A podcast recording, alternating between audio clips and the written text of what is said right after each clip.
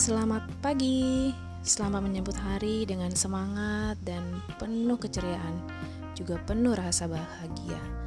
Uh, pagi ini Mila mau menceritakan apa ya? Oh iya, tentang kopdar virtual 4 dari Cafe Dai yang diadakan semalam.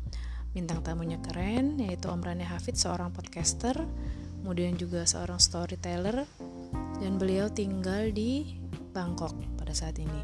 Dan beliau sudah menekuni podcasters dari tahun 2006 yang kita juga nggak pernah tahu tuh podcaster itu apa ya. Oke deh, uh, beberapa kesimpulan dari hasil virtual 4 semalam yaitu bahwa podcast itu adalah radio dalam bentuk lain. Kemudian podcast itu buatnya mudah dan simpel.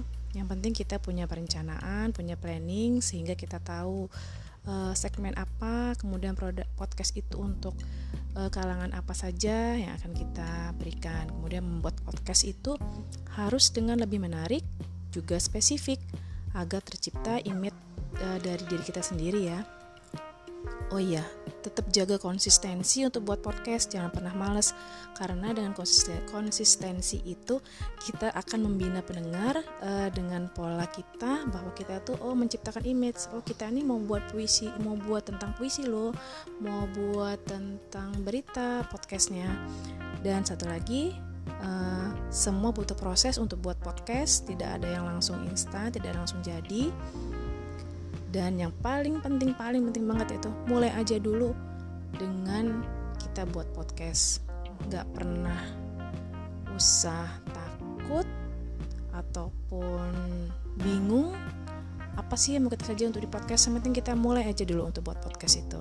Oke? Tentukan perencanaan kalian dan mulai buat podcast hari ini juga.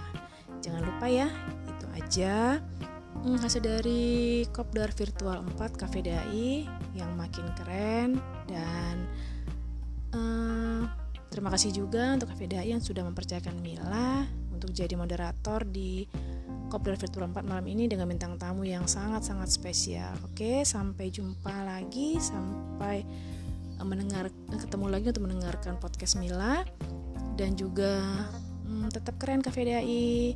Selamat pagi tetap jaga kesehatan, tetap menjaga jarak, dan jangan lupa pakai masker. Semoga kita semua selalu diberikan kesehatan. Salam sayang selalu dari Mila.